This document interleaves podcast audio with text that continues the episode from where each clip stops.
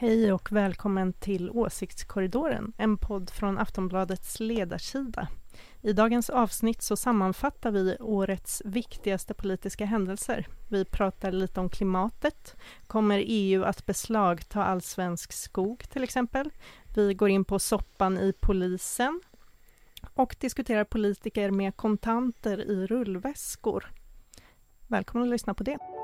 En podcast från Aftonbladet Ledare. Åsiktskorridoren.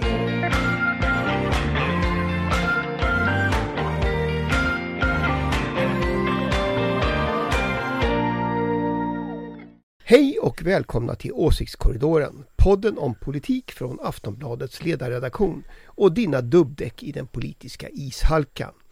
Vi har kommit fram till årets eh, och eh, sista program faktiskt och det är dags att summera det här året den här gången. Så det blir ett fullmåttat program. Med mig för att göra det har jag precis som vanligt en panel med några av de vassaste betraktarna av svensk politik. Eh, från den gröna och liberala tankesmedjan Fores, Ulrika Schenström, oberoende moderat som vi säger i den här podden. Jajamän, här är jag. Från Aftonbladets oberoende socialdemokratiska ledarredaktion, Susanna Kierkegaard. Jag är också med. Och dessutom chefen för samma oberoende socialdemokratiska ledarredaktion, Aftonbladets politiska chefredaktör Anders Lindberg. Hallå hallå! Själv heter jag Ingvar Persson och skriver till vardags ledare i Aftonbladet. Men i den här podden är det ju min uppgift att ställa frågorna. Vi ska som sagt prata en del om året som har gått men jag tänkte vi skulle ändå börja med söndagens stora tv-debatt mellan partiledarna. Eh, jag ställer den klassiska kvällstidningsfrågan. Vem vann, Anders? Ja, det var inte tittarna. Nej, det var verkligen inte tittarna. Jag visste inte om jag skulle... Alltså jag, jag, jag höll på att stänga av hela tiden. Alltså jag skulle, ju- jag, skulle, ju- jag skulle ju kommentera denna idag, dagen efter i, i, i SVT så jag, jag tittade ju slaviskt och gjorde små anteckningar och sånt. Men det, det var ju inte den bästa debatt jag har sett alltså. Det var det inte. Nej, det är verkligen inte. Jag verkar vara den enda någonsin som tyckte att det var en ganska rolig debatt att lyssna på. Men jag kanske bara galen humor. Jag tyckte Magdalena Andersson mot slutet var väldigt rolig när hon började sätta liksom hårt mot som en hårt. ironi eller humor. Nej men hon började sätta hårt mot hårt mot det här gänget. Det tyckte jag var roligt på slutet för då kändes det som Mm. att det liksom blev nerv i debatten. Men det här själadödande långa inledningen med migration. Ja, Den, den var ju, det var ju så plågsamt så jag vet inte vart jag skulle ta vägen.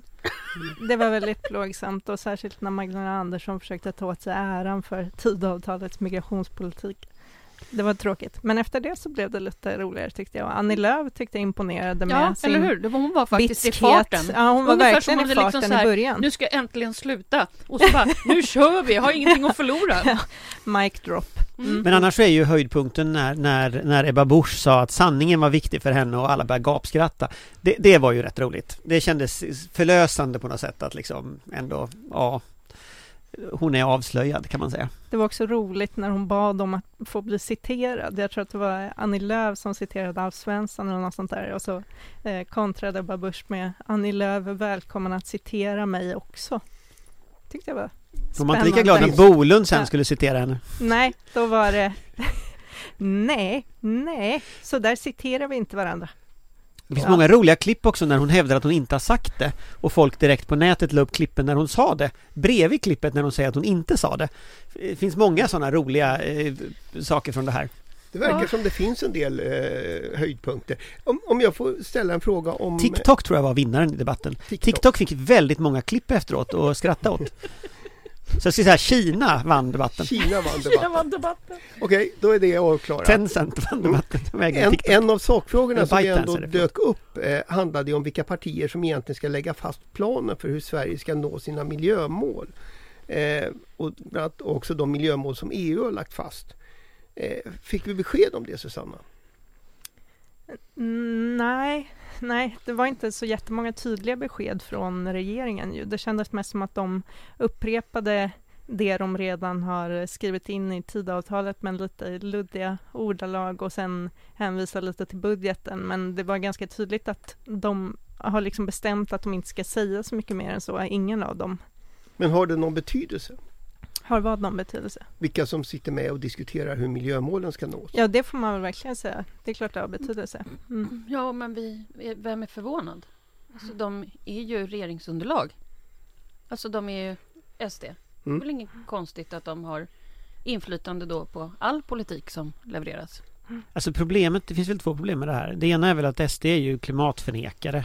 Så att det Ja, man kan ju faktum, Man kan ju nej, men det faktum att de innehållet i det men man kan ju inte vara förvånad över att Nej de har men jag tänker på att det finns väldigt lite innehåll de kan ha inflytande över. Alltså om, om du förnekar att klimatproblemen existerar eh, och så ska du då bedriva en klimatpolitik, det är klart att det inte går. Så att, så att, att få ihop en politik med SD kommer ju vara Nej, nej, Men det jättesvårt. är ju det som kommer väl kommer igenom här. Nej men det är den ena, ena grejen. Den andra grejen som är ju jätteintressant också med, med själva frågeställningen tycker jag här, det är att om, om vi bara hypotetiskt antar att SD skulle få igenom delar av sin politik, då kommer ju den att stå mot de klimatmål EU har. Och då är ju bara den lilla detaljen att EUs klimatmål är ju inte frivilliga. EUs klimatmål har man ju gemensamt kommit fram till och de är ju obligatoriska. Så i sådana fall där SD kan komma fram till det att det ska brytas EUs lagstiftning. Och det kommer ju inte kommissionen att gå med på. Så, så det, det, det är ett ganska intressant scenario vi Ja, ser men det är framför inte oss här. moment 22. Ja, det är ett jävligt dyrt moment 22 i så Ja, fall. absolut. Ja, jag kan berätta exakt vad som kommer hända. Det som kommer hända är att vi får jättestora böter och att EU kommer beslagta all svensk skog och använda den för att suga upp koldioxid och att svensk industri inte kommer få ha några utsläppsrätter kvar. Men då tycker jag vi skickar Okej. räkningen för det Mm. till Jimmy Åkesson. De, de böterna, Mm. eh, de kan vi skicka till honom, kan han betala dem, tycker jag. Ja, Det blir vi och Ungern i så fall som blir så här föremål för så här tvångsåtgärder från EU. Det kommer att bli Jag behöver man bara jättelyckat. läsa internationell media om att det är så. Jo men det är ju jättelyckat. Det, jag, jag fattar inte varför det har missats i debatten heller. nej, men i åsiktskorridoren får man höra det. Säger vi sanningen. Här, här kan det sägas. Eh, hörni, eh, för att ta ytterligare en fråga. Vi har som sagt massor på, på dagordningen idag när det nu är det sista programmet. Eh, en fråga som inte bara Susanna har tyckt har varit rolig har ju, eller intressant har ju varit turerna på Rikspolisstyrelsen. Eh, jag ska inte ens våga mig på en sammanfattning. Men huvudpersonerna är utan inbördes ordning som jag har uppfattat det. Stockholms polischef Mats Löving, den nationella operativa avdelningens underrättelsechef Linda Stoff och riks- rikspolischefen Anders Thornberg. Eh, och en av landets högsta polischefer anklagas för att ha trakasserat en kollega som, har haft ett för, som han har haft ett förhållande med. Eller möjligen haft ett förhållande Ett med ytligt förhållande. ett ytligt förhållande med. Eh, och rikspolischefen i sin tur anklagas för att ha mörklagt historien och rekrytera eh, en mycket höga och rekrytering av mycket höga chefer påstås ha gått till på fel sätt.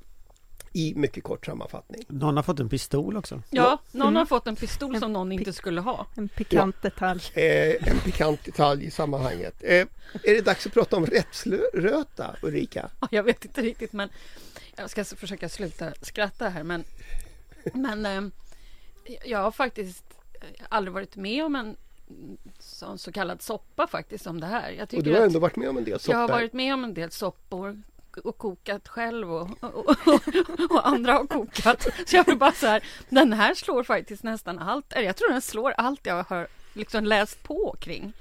Ja, nej jag vet inte riktigt vad jag mer ska säga faktiskt. Nej. Jag såg någon rubrik i Expressen om att någon hade hoppat fram från, bakom ett träd. Bara en sån sak. Och dykt upp i badhuset. Oj. Men, men själva grejen, alltså om man, om man tar eh, i sak, så det som har hänt än så länge det är ju att man inleder förundersökningar eh, om detta nu, eh, om saker man visste för väldigt länge sedan. Och då kan man väl om man ska ta en rent juridiska ögon på detta konstatera att om man hade skäl för väldigt länge sedan att inleda förundersökningar och av något skäl inte gjorde det fram till nu så har rikspolischefen ett problem och polisen som myndighet ett ganska stort problem faktiskt. Ja, de verkar ju inte göra det Eh. de ska på jobbet. Det vet jag inte, men om det är så att man nu inleder förundersökning och dessutom en särskild utredning av det här så är det ju inte helt, alltså det är inte omöjligt att den här särskilda utredaren, det är Runar Viksten som också tidigare är då chef för försvarsunderrättelsedomstolen och, och utrett en del andra saker innan. Eh, han kommer naturligtvis att gräva upp allting som finns i den här historien. Och då är ju frågan om, är det någon som begått ett brott när man har mörklagt det här? Och det är ju inte osannolikt att, att, att man har det eftersom man, polisen har ju i regel vissa, vissa skyldigheter att just utreda brott. Då kan man, Kan man inte tycka. kan man ju tycka. Åklagare har ju lite, lite åtalsplikt ändå för att åtala saker och sådär. Åklagaren har ju bara lagt ner allting. Så att det, det finns ju några riktigt intressanta frågeställningar här eh, beroende på vad den där utredaren då ja, får fram. Om man bortser från alla pikanta detaljerna så, så är ju det liksom faktiskt grundfrågan att den offentliga makten utövas under lagarna. Och det vore väl trevligt om just polisen kanske gör det. Klarade det. Klarar den uppgiften. Ja, men då ställer jag frågan till dig. Är det rätt att prata om rättsröta? Det vet vi ju inte förrän utredningen är klara men det ser ju ut som eh, Jag skulle säga att det ser ut som att polisen i varje fall inte har levt upp till vad man kan förvänta sig är en, en rimlig standard i hur man utreder och hanterar interna ärenden. Eh, sen om det är brottsligt eller inte är en annan sak. Eh, men, men det finns tecken på att det är rätt, rättsröta, absolut. Och det handlar ju framför allt om att man har tystat ner saker och ting som helt uppenbart då kom fram ändå. Så att, så att, så att, och om de sakerna är så allvarliga som det låter, det vet ju inte förrän utredningen är färdig. Men det är en väldigt dålig idé att tysta ner sådana här saker. Det är en väldigt uh, kass instinkt och det skrämmer att polisen har den instinkten. För det... kan, kan de här polischeferna liksom uh, fortsätta? Alltså jag, jag skulle ju betrakta det som fullständigt uteslutet att Mats Löving till exempel fortsätter som, som polis. Men har de mest... inte redan flyttat bort honom? Ja, och tillfälligt. Uh -huh. Men, men jag skulle säga att det är av förtroendeskäl är helt orimligt. Om rikspolischefen kan sitta kvar eller inte, det får vi väl se. Det beror på vad han har gjort skulle jag säga. Eh, eller han, inte gjort. Han, han, eller inte gjort. Eller inte gjort, för han hade ju vetat det rätt länge. Så att, ja. om, om medieuppgifterna stämmer har han haft uppgifterna som nu utreds i åtta månader. Och då har han ett problem. Ja. Men jag vet inte, alltså så, eh, så, och det är väl de två aktörerna man kan fundera på så att säga vad de har för, för position. Men Mats Löving skulle jag säga att en, en, en, en, en polismästare i Stockholm, eller polischef i Stockholm som uppenbarligen då eh, har hamnat i den här historien kommer ju inte med ett fullt förtroende att kunna fortsätta i den rollen. Det är ju på ett plan en förtroendeanställning. Liksom. Ja, vill jag få återkomma till, till ärendet när vi vet mer. Eh, jag tänkte vi skulle plocka upp en annan sak ur den gångna veckans telegram som ju nu också har börjat rapporteras i Sverige. Eh, I fredags så slog ju belgisk polis till mot åtminstone fyra personer med anknytning till EU-parlamentet.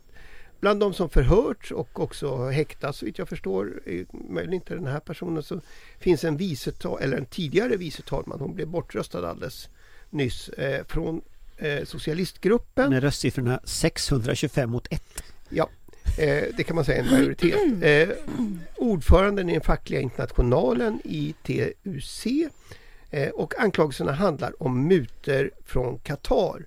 Och det finns bekanta detaljer som eh, personer som drar eh, rullväskor med sedlar över torgen i Bryssel och i den där stilen. Eh, kommer det här att påverka förtroendet för EU, Susanna?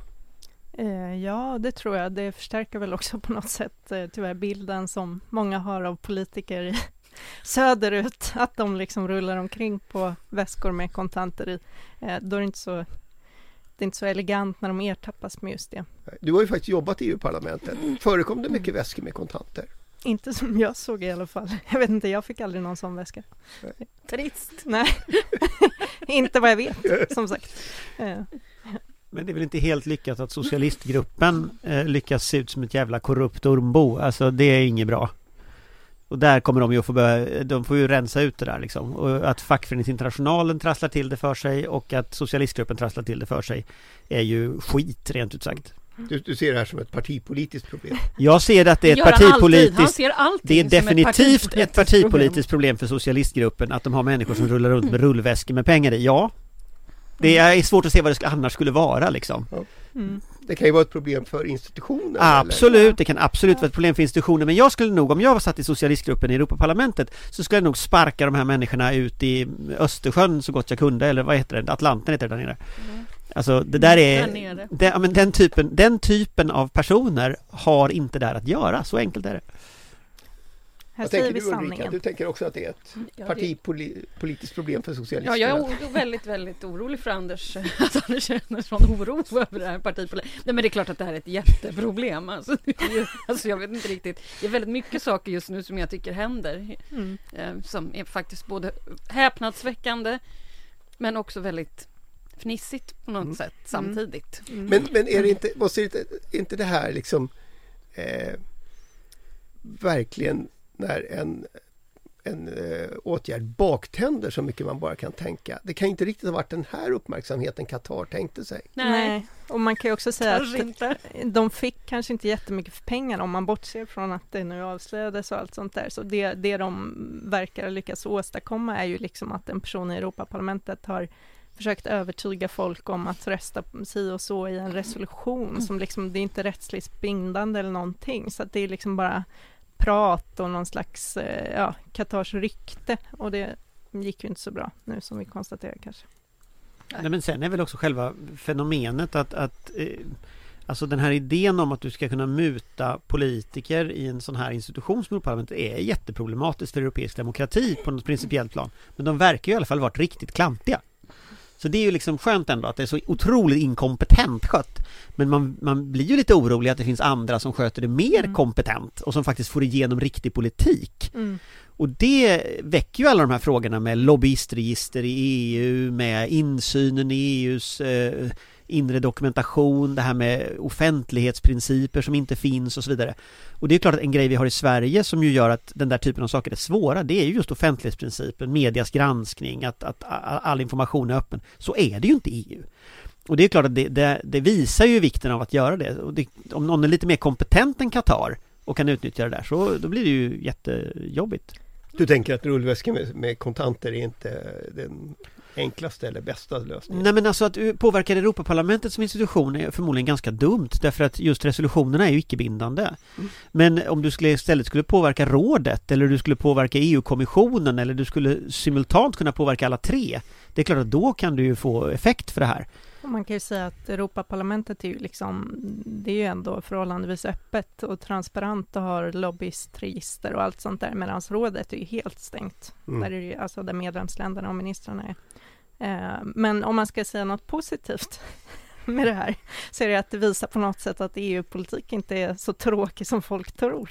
Det händer massa spännande saker i Bryssel hela kan man tiden. hålla med om. De hittar väskor med halv miljon euro i kontanter och sånt där. Och det var ju bara, vad var det, några år sedan eh, polisen under covid avbröt någon sexfest eh, med någon Europaparlamentariker från. Ungern. Det var också liksom en Ja, ja, ja, eh, sexfest detta. bara för män, vilket var liksom problematiskt för den här Europaparlamentarikern som var väldigt emot hbtq. Han Saker i flydde- allmänhet. han flydde- Flydde ut genom inte min fönster. det Gjorde han roliga inte var- det? Precis, han eh, flydde naken ut genom ett fönster, försökte hala sig ner på ett stuprör och samtidigt som han skrek ”Jag har diplomatisk immunitet”. Detta stuprör dök sen upp på Twitter. Små människor som hade gått dit tagit små bilder av stupröret och lagt ut på Twitter. Eh, bara som en sån liksom, ja. Ja, så i Bryssel händer det grejer kan Ja, man säga, både bra och dåliga, men det är aldrig tråkigt. Tråkigt. Får man sammanfatta panelens inställning som att eh, vi behöver en, en liksom vassare Europa-rapportering i Sverige? Det kan man ju Ja, det kan verkligen man säga. absolut Alltså, hålla med om. bara saken att det tog typ fem dagar innan den här nyheten kom till Sverige är ju någonting man kan fundera över. Den publiceras faktiskt på franska från början. Jo, jag vet. Det är ingen jag som läste kan franska den här. fran- jag, Jag vet jag, kan inte heller franska, men jag läste ändå den franska artikeln. Mm. Det finns något som heter Google Translate. Inte i Sverige. Ja, det låter ju som en del av de här historierna nästan inte behöver översättas heller. Man förstår Nej, liksom sammanhanget. Precis. Man ser fortfarande fem eller 600 000 och sen ett eurotecken. Det kan man förstå på alla språk. Hörni, eh, dagens huvudämne. Eh, året som har gått. Jag tänkte be panelen eh, kommentera hur 2022 kommer att minnas eh, på eh, några områden. Men först tänkte jag, vad är det viktigaste som har hänt under året? Ulrika? Jag skulle nog säga att, eller det viktigaste som har hänt, det som jag tror vi kommer att komma ihåg, det är att det blev krig i Europa. Mm. Det tror jag vi kommer att komma ihåg. Vi kommer att komma ihåg att ehm, vi kommer att gå med i NATO. Vi kommer att komma ihåg att vi hade en valrörelse som var den konstigaste som jag någonsin har varit med om. Eh, och sen kommer väl du också komma ihåg att året började med att vi hade pandemi och vi kom ju inte ut förrän i februari och sen kom kriget. Och sen kom NATO, så kom valrörelsen. Ja. Och nu är vi tillbaka i pandemin. Och, och sen också kommer vi naturligtvis komma ihåg eh, att eh, Sverigedemokraterna blev Sveriges andra största parti och fick inflytande över en regering. Det är väl det jag skulle säga. Susanna, har du något att tillägga? Ja, nej men, eh, utöver det som Ulrika sa så tror jag man kommer minnas 2022 som året då alla tvingades välja sida i politiken på något sätt. Mm. Alltså framförallt de liberala partierna då, där Centerpartiet och Liberalerna valde olika sidor eh, och resten av partierna på något sätt cementerades i de här två grupperna och alla gjorde det i relation till Sverigedemokraterna såklart och också faktumet att vi har ett nytt andra största parti i Sverige. Eh, det tror jag, ja på något sätt, det, nu finns det liksom en klyfta mitt i som kommer vara väldigt svår att överbygga. Mm. Anders, har du något tillägga? Nej men förutom det som alla har sagt så, så alltså jag, jag tänker ju att det är två globala händelser som kommer att definiera vår tid som händer nu. Det ena är invasionen i, i Ukraina. Det andra är att Xi Jinping valdes om för en tredje mandatperiod i eh, Kinas kommunistparti. Mm. Nu är Kina som Nazityskland eh, om man tittar på det. Alltså nu, nu ser vi den totala auktoritära, totalitära staten mm. som, eh, som har bildat den här, alltså Biden uttryckte det som att det var demokrati mot autokratier. Men jag skulle säga att i år så inleddes det nya kalla kriget. Det är det vi ser och vi, vi ser det i Asien i form av Kinas kommunistparti och Xi Jinpings förmodade angrepp mot Taiwan ganska snart. Vi ser det live nu i form av Putins angrepp i Ukraina. Eh, det globala väst har återskapats. Det globala väst var ju bråkade mest med varandra de senaste åren. Om Trump, om Brexit, om alla möjliga saker. Nu är det globala väst enat. Det globala syd är dock ganska splittrat i tusen bitar. Men vi ser Kina, mm. Indien kanske som går om Kina nästa år, inte osannolikt i folkmängd. Eh, som, som ändrar dynamiken här. Och jag tror att om man tittar liksom jag tror att 2022 kommer vara ett datum av samma typ som 1945 eller 1939 eller 1918 eller 1914 alltså första världskriget, andra världskrigets tider. Nu ser vi liksom ett nytt sånt här ja, paradigmskifte eller 1989 liksom när muren föll. Det, det, det är ett sånt datum på något sätt. Mm. Eh, sen tror jag ju svensk inrikespolitik kommer ju också bli en grej, alltså i vårt nationella minne. Eh, men även det inordnas lite i det här stora, mm. skulle jag säga. Att liksom det är autokrati mot demokrati. Det finns också i våran, våran lilla, lilla liksom Sögården här. Den stora frågan som Ulrika brukar uttrycka det. Exakt. Eh, jag tänkte faktiskt vi skulle fortsätta med, med säkerhetspolitiken och Anders har egentligen svarat på den fråga jag hade tänkt ställa. Eh, men håller ni med om att det är ett kallt krig vi ser? Ulrika? Ja, det, det, tror jag. Men jag är orolig för att det inte bara är kallt utan att det också kan bli att det kan utvecklas ytterligare. Till ett, ett fullskaligt krig? Ja, man vet inte. Vad, vad händer det? Men det här kommer kom ju hända under ett par år. Så jag skulle vilja säga att vad händer i USA? Alltså, vem tar över efter Biden?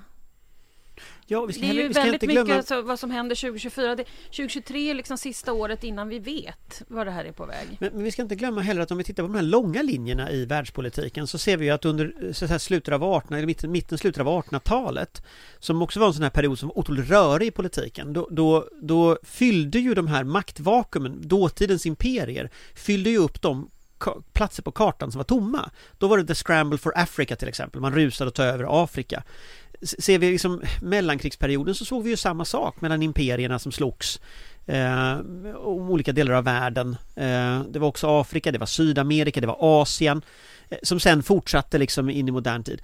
Under kalla kriget var samma sak. Alla var tvungna att välja sida. Kapitalism eller, eller kommunism. Demokrati eller planekonomi. Det var liksom tydliga sådana sidskillnader. Nu ser vi samma sak igen. Nu kommer vi få välja autokrati eller demokrati.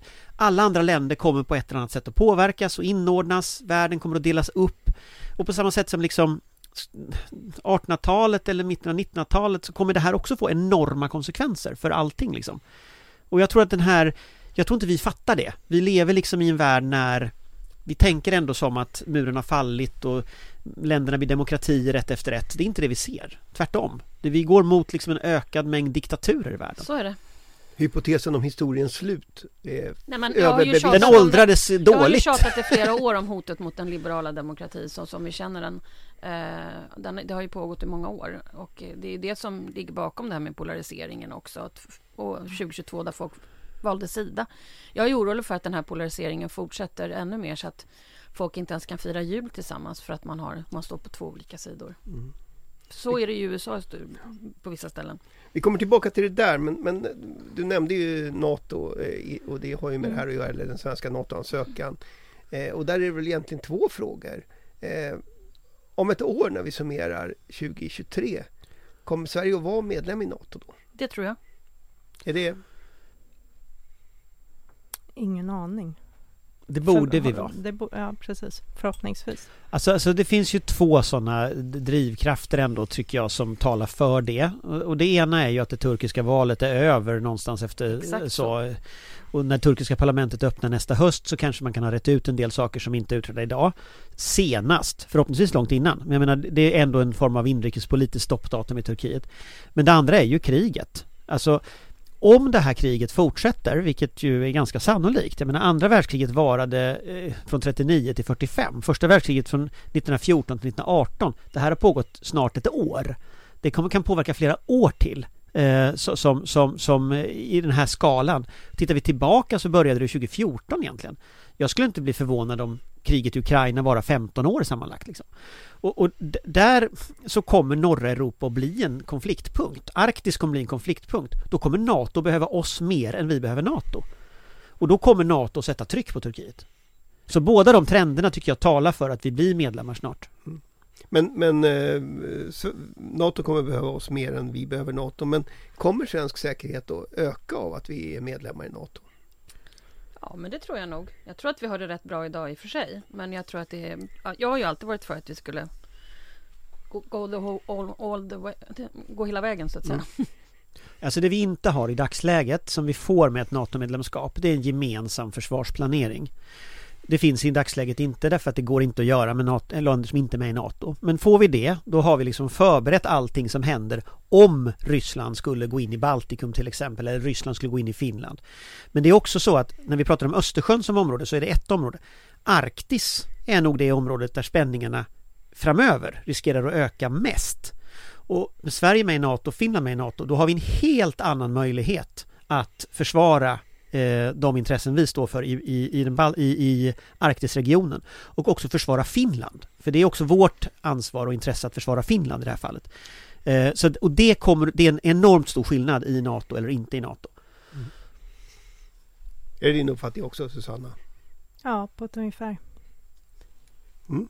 Vilken entusiasm! Ja.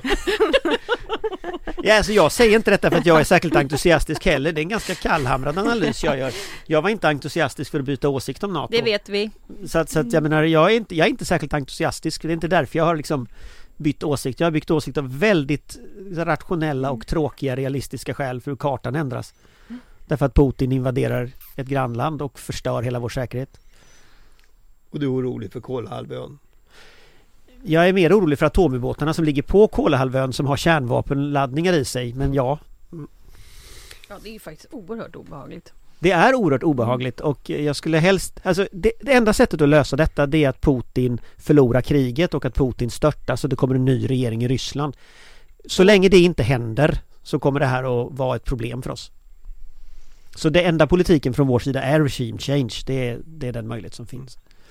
Det tycker jag är den uppenbara slutsatsen efter Ukraina. Och tills dess får vi eh, genomföra en ny eh, försvarsberedning I... under Hans Wallmark. Ja, men Hans Wallmark är en utmärkt person så det kommer gå bra. Ett annat resultat eh, av det här året har ju varit att inflationen har rakat i höjden, priserna har stigit och räntorna är jättehöga. Eh, är vi på väg in i en liksom stadig inflationsekonomi, Susanna? Vi får väl se det ser inte ut att bli bättre inom den närmsta tiden i alla fall. Är du, är du liksom orolig för att det här biter sig fast? Kort och koncist svar. Nej men liksom vad, vad, ska man säga, det vet ju inte ens de bästa ekonomerna. Sådär. Jag tycker det är lite mycket begärt att vi ska kunna besvara ska, det, det på rak arm så här, i, så här i panelen. Eh, panelen. Nej, man, man kan väl säga att liksom alla sådana här ekonomiska grejer, det är ju eh, människor som skapar ekonomin och psykologin väldigt mycket och folk verkar ju tro att det kommer att vara kvar och är väldigt oroliga. Så det mm. kan man ju säga, bara en sån sak mm. pekar ju mot att det inte kommer att bli särskilt mycket bättre inom den närmsta tiden. Jag, jag, jag, vill bara att lyssnarna noterar mm. att panelen eh, påpekar att de inte har alla svar. Eh, i just den här frågan. En viss del av panelen ska tilläggas, Ja. det kanske inte... Eh, nej men jag tänker, det, det är ju, vi står ju inför en avtalsrörelse och sådär där det här kommer att vara helt avgörande. Eh, är det liksom, är det rimligt? Fackföreningsrörelsen säger ju nu att man, eh, och arbetsgivarna också, att man inte vill se eh, en liksom spiral. Eh, är det liksom en möjlig väg att hantera det? Går det att undvika? Ulrika, Nej, det tror jag inte. Du tänker Kort att, och koncist ja, svar. du tänker att, att det måste bli eh, fortsätta? Absolut. Jag, jag är inte lika... Jag, jag tror att det nu kan... tittar han jättekonstigt på mig. Nej men jag tror att det kan, om man ska svara seriöst på frågan så tror jag att det beror lite på hur de aktörerna nu tänker och jag tror matpriserna till exempel kommer att bli en sån här nyckelfaktor i detta. Eh, regeringens elpriskompensation hade haft möjligheten att nu i, eh, i eh, november lägga lite sordin på det där. Nu kommer den i februari, förhoppningsvis kan den lägga lite sordin på det, att inte priserna rasar upp och kraven på kompensation rasar upp så att säga. Eh, men det är klart att, jag menar, gör man ingenting, om man inte driver en aktiv liksom, politik, finanspolitik i det här fallet för att liksom hålla inflationen nere, ja då kommer kraven att komma. Och, och en del av det här de kom- kommer komma från många olika håll de kommer också. komma från väldigt många olika håll och jag, jag, jag hoppas att finansministern har kontrollen på detta och att hon gör analyser som är som rimliga. Eh, sen kommer vi till en punkt när det inte är rimligt att vanliga människor är de som ska, ska ta hela smällen för detta. Eh, och jag tycker matpriserna är ett bra första test på det här. Därför att just nu så vältrar ägarna av mataffärerna över allting på konsumenterna. Och i en väl fungerande marknad så delar man på ökade kostnader. Det är inte så att man bara vältrar över dem på konsumenterna. Men det är inte en väl fungerande marknad, det är ett oligopol. Och där är ju frågan liksom hur företagen gör. Om de lägger alla pengar, nu ska, jag, nu ska jag vara populistisk, men om de lägger alla pengarna på ökningar av VDs lön eller om de lägger pengarna på aktieutdelningar, det är klart kraven på kompensation kommer bli jättestarka för människor. Och här sitter ju näringslivet idag och måste fundera liksom. Så det är ju inget och det är inget konstigt, det är så liksom hela avtalsmarknaden, eller avtalsrörelsen kommer att funka. Sen tar svensk fackföreningsrörelse av tradition väldigt stort ansvar. Så här handlar det om att direktörerna också ska göra det. Och då får vi se om de gör det. Hörrni, tiden går. Eh, det är snart dags att avsluta 2022 års eh, eh, Åsiktskorridoren. Bara väldigt snabbt tänkte jag fråga panelen. Vad väntar ni er av 2023? Ulrika? Ehm, långsiktiga strukturella reformförslag. Innehåll i politiken. Det vill jag ha. Det vill du ha? Det Ja, önskar jag mig. Det kommer alltså inte hända, Nej, nej. men jag önskar mig det. ja. Och då får Susanna också önska sig. Men jag kan säga, jag väntar mig eh, bra drag. Det, det väntar du dig. Ja. Jag hoppas att Ulf Kristersson säger så här Förlåt, jag hade fel. Jag bryter samarbetet med SD och jag eh, ändrar kartan så att vi istället går och skaffar, försöker få breda överenskommelser i riksdagen. Vi hänger av det här Tidöavtalet. Vi lämnar den här mest auktoritära politiken och så försöker vi bygga någonting annat. Därför att när det säkerhetsläget som vi står inför ser ut som det gör så behöver vi ta, se nationens bästa över partiernas. Så jag hoppas Kristersson kliver upp ett hack och tar det ansvaret. Och det Tror vi- jag på det? Kanske? Nej. Eller, Det, jag vet det, inte. här, det, här, det, det här vi hör bjällerklangen i bakgrunden. Eh, det var allt för idag hörni. Eh, och för det här året som sagt. Eh, för mig återstår egentligen bara att tacka panelen för året som har gått och önska god jul. God jul Ulrika. God jul Ingvar. God jul Susanna. God jul. Och god jul Anders. God helg. Eh, och god jul till dig som har lyssnat. Eh, det är ju för dig vi gör den här podden. Tack för i år. En podcast från Aftonbladet Ledare. Åsiktskorridoren.